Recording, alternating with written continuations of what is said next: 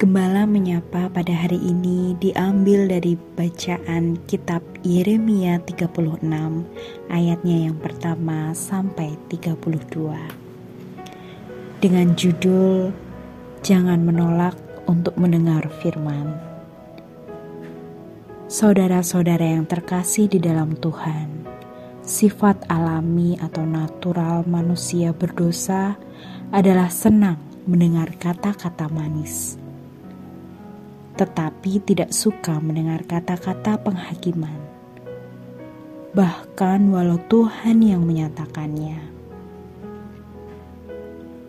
Baruk, juru tulis Yeremia menuliskan segala malapetaka yang Tuhan rencanakan bagi umat Yehuda dengan tujuan supaya umat bertobat. Baruk kemudian menyampaikannya kepada umat pada ayat 5 sampai 10. Beberapa pemuka mendengarnya kemudian menyampaikannya kepada Raja Yehuda. Namun Raja Yoyakim mengoyak-ngoyak gulungan itu dan melemparkannya ke dalam api. Baik raja maupun para pegawainya tidak mau bertobat.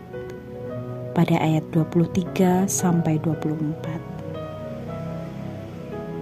Tidak mengherankan, Tuhan kemudian menyatakan bahwa ia akan menghukum Yoyakim. Sang raja tidak akan memiliki keturunan yang akan duduk di atas tahta Daud. Dan Tuhan akan mendatangkan malapetaka. Pada ayat 30 sampai 32. Saudara-saudara yang terkasih di dalam Tuhan, Entah apa yang dipikirkan Raja Yoyakim sehingga ia berani mengoyak-ngoyak gulungan firman Tuhan dan membakarnya. Mungkin ia berpikir bahwa jika ia menolak firman itu, maka apa yang dinyatakan dalam firman itu tidak akan terjadi.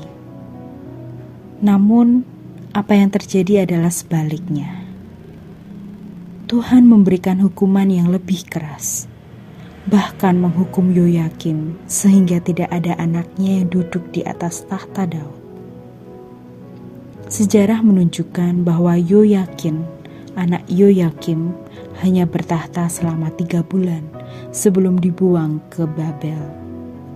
Dan Sedekia pamannya menjadi raja.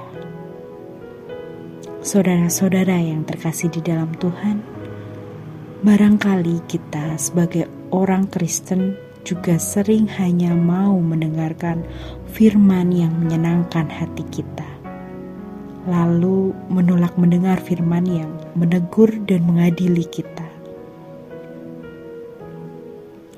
Kita harus sadar bahwa menolak untuk mendengar bukan berarti penghakiman tidak akan datang.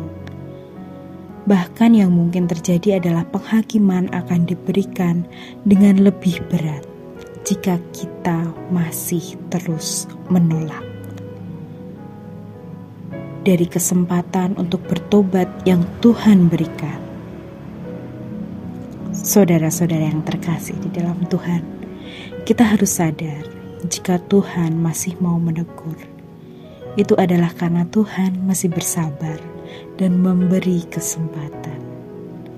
Oleh sebab itu, janganlah kita meremehkan kesempatan pertobatan yang masih Tuhan berikan. Tuhan memberkati. Amin.